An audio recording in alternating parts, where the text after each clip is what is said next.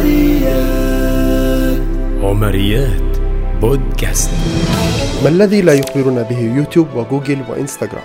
ولماذا يجب أن أهتم لجنس مولود لا أعرف والديه؟ وكيف أثر اقتران المال بالشهرة على محتوى ال social media؟ تدوين بعنوان ما لا يطلبه المستمعون أنا عمر أبو صيام وهذه عمريات بودكاست عمريات السادس من آب أغسطس من عام 1991 كان الاتصال الأول بالإنترنت على يد المخترع تيم بيرزنلي مخترع الإنترنت. يقول بيرزنلي إن الإنترنت غير وجه العالم وصار بإمكان الناس مشاركة حياتهم مع بعضهم البعض وعلى مستوى واسع وهذا قلب العالم إلى قرية صغيرة. يضيف برزيلي لكن هذا ليس بالضرورة شيئا إيجابيا لأن شركات كبرى تهيمن على وسائل التواصل الاجتماعي اليوم تقوم باستغلال المستخدمين فيها واستعمالهم كسلع لتبيعهم وتبيع المعلومات الخاصة بهم للشركات التجارية في العالم. في القانون الأخلاقي الذي خطه كانت يقول إنه ليس من حق الإنسان التعامل مع أخيه الإنسان إلا لذاته وليس له أن يستعمله كوسيلة لتحقيق الربح مثلا وحتى إن أخذ عن كانت بأنه صارم وقاس في مسألة الأخلاق وتطرفه فيها إلا أن المعنى صحيح فالإنسان ليس سلعة شأنه كشأن السيارة أو الهاتف يباع ويشترى وهذا الذي تنتهجه وسائل التواصل برمتها فكرة المكافأة التي تقوم عليها وسائل التواصل الاجتماعي يعتبرها برينزلي انحدارا فارقا في هذا العالم مم. حقا. فمن أجل like أو share أو تعليق وتصفيق هتك الناس بكارة خصوصياتهم وراحوا يصورون وينشرون ما لا يجوز نشره على الملأ ليتحولوا إلى كتاب أبيض مفتوح للعيان. وبات تقييمهم لأنفسهم وغيرهم مقرونا بالأرقام من حقق انتشارا أو عدد إعجابات أكثر لتتحول الشهرة والانتشار إلى طموح أشخاص عاديين لا يملكون أي مؤهلات إلى دخولها ولا يملكون تقديم محتوى أو مضمون يستحق النشر والانتشار. ولعلكم أعزائي المستمعين تعيشون ذلك ونعيش جميعنا أضراره الأخلاقية والتلوث البصري والفني. ثم إن ما زاد طين بلة هو إعلان يوتيوب المغري ذات يوم إنه سيتقاسم المال مع من ينمي قناته أكثر فأكثر. وكذا يفعل الآن تيك توك وإنستغرام وغيرها. حتى وإن كان أحد أهداف هذا التوجه هو التحفيز على نشر المعرفة والعلم إلا أن هذا النوع من الإغراء يؤدي إلى الإدمان طالما لم يضبط. الإدمان على نشر المزيد والمزيد ليحول الشهرة من وسيلة إلى غاية من منصة ووسيلة لنشر الفائدة إلى غاية فقط. فمن أجل الشهرة أقوم بحركات أو مقالب غير إنسانية أو أقوم بشراء ماركات باهظة الثمن. وكل ذلك لأن الشهرة ستجلب لي المال لاحقا وهنا أكون قد حققت عنصرين مهمين الشهرة والمال.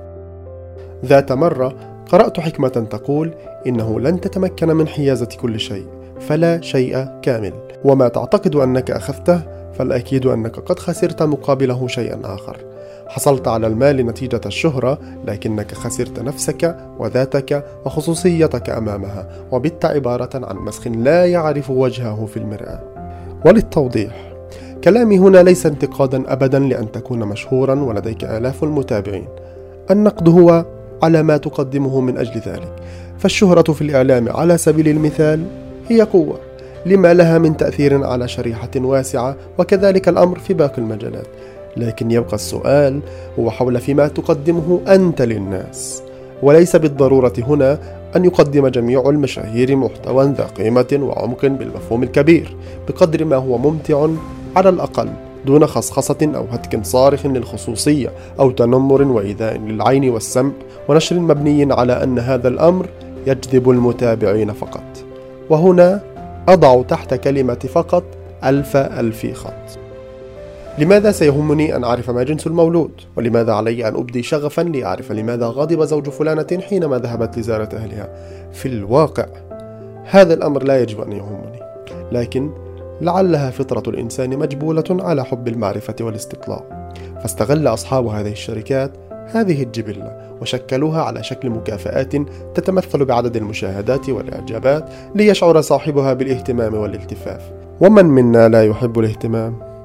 فتلتقي خصلة حب المعرفة مع حب الاهتمام على شكل متابعين ومشاهير. لا يعلم الأول لما تابع الثاني ولا يعلم الثاني لما تابع الأول. في ذات السياق. من قال إن أنفي الكبير مثلا يجب أن يعجب ألف ألف متابع وصديق. لماذا يؤخذ رأيهم أصلا على محمل الجد؟ وهنا تظهر مشكلة أخرى تسببها مكافآت ال social media. هي المثالية المقيتة خاصة عند المراهقين. إدمان المثالية في كل شيء في الشكل في المنظر في شكل العين والأذن والفم. في المال في الرزق فلانة قامت بجولة في غرفتها أو بيتها سببت لعشرات الفتيات والمراهقات حزنا لأنهن لا يملكن ما تملك لماذا؟ أخبار عن عمليات تجميل في مناطق معينة في الوجه لأنها تريد أن تشبه الفلتر الذي تضعه على إنستغرام لماذا؟ عليك أن تعلم أن فوق كل ذي جميل هناك أجمل وسلسلة أجمل جميل لا تنقضي الاكتفاء بما نملك والنظر إلى الجوانب التي خصها الله فينا تغلق على عقلك دوامة المقارنات العقيمة التي لن تعود عليك سوى بالحسرة والقهر الداخلي وتعتيم وجهك الناظر. قبل أيام انتفخ حسابي المتواضع على إنستغرام بصورة كبيرة ومفاجئة بسبب منشور كنت قد كتبته ولاقى استحسان شريحة واسعة.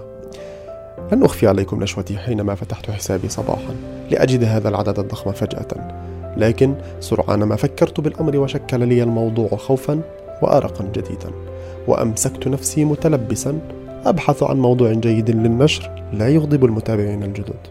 ثم إذا اكتشفت ذلك عاندت نفسي وأنبتها ورحت أنشر موضوعا أعلم أنه سيثير جدلا كبيرا إلا أنني مقتنع فيه أشد الاقتناع وهو مسألة الحجاب. كتبت ونشرت رأيي الصريح ليفاجأ بأكثر من عشرين متابعا قد أطفأوا زر المتابعة وانسحبوا. وهنا نظرت إلى حسابي بكل فخر وقلت هذا حساب ليس ما يطلبه المستمعون. بنظري أن النشر الإلكتروني مسؤولية أكبر مما يظن البعض. تتوزع علينا جميعا بالتساوي بعد أن كانت حكرا على التلفزيون والإعلام ذات يوم. وذلك لعظيم أثرها وتأثيرها وتأثيثها في أذهان الناس أفكارا قد تشوش البعض وتوقظ الآخر. والبحث عن المكافأة فقط هو بمثابة مشكلة وعدم البحث عنها أي المكافأة مشكلة أخرى أيضا وهنا تتوجب الموازنة في النشر. جدير بالتنويه أن الأمور السلبية والإيجابية تختلط في كل شيء وإن كنت أحذر من الإفراط في النشر والإدمان في وسائل التواصل إلا أنني أدعو في المقابل إلى زيادة المحتوى العربي المثري والمفيد مقابل بحر الغثاثة الموجود الآن. وهذه ليست أبدا دعوة لتسليم الراية والنفور بل على العكس تماما تكثيف النشر لكن بموازنة واتزان وتريث.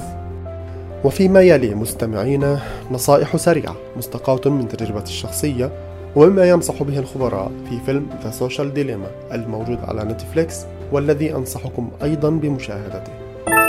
احرص يا صديقي على استغلال وقتك حتى آخره واضبط نفسك أكثر في النشر والاستعمال. لا تتابع ما قد يضيع وقتك ولا ينفعك من الحسابات. لا تجعل القدوة شخصا أكبر همه أن يحوز على أكبر بيت وأفخم سيارة بل ابحث عمن ينمي ذاتك ويمنحك الفائدة ويحترم عقلك. نوع في متابعاتك ولا تقصرها فقط على الترفيه. الترفيه مطلوب التفاهة مرفوضة وبينهما خيط رفيع. عليك أن تلاحظه. قل لي من تتابع ببساطة أقول لك من أنت. التشجيع أمر مطلوب خاصة للمواهب الناشئة. لكن لا تشجع فقط لتجامل. إنما كن حقيقيا في تشجيعك وفي دعمك. فإذا لزم الأمر فشجع. وإلا فانصح أو لا تبدي رأيك في ذلك. العالم الرقمي ليس عالما حقيقيا لكن تأثيره حقيقي. لذا ابتعد عن الحسابات المسمومة المثبطة الباعثة على المقارنات التي تضيق الصدر. لا وجود لما يسمى بحياة مثالية. لكل فرد فينا مشاكله وهمومه الخاصة. لا أحد يحب أن ينشر غسيله الوسخ كما يقولون وبالتالي قلما تجد من يتحدث عما يشعر به من كآبة وحزن.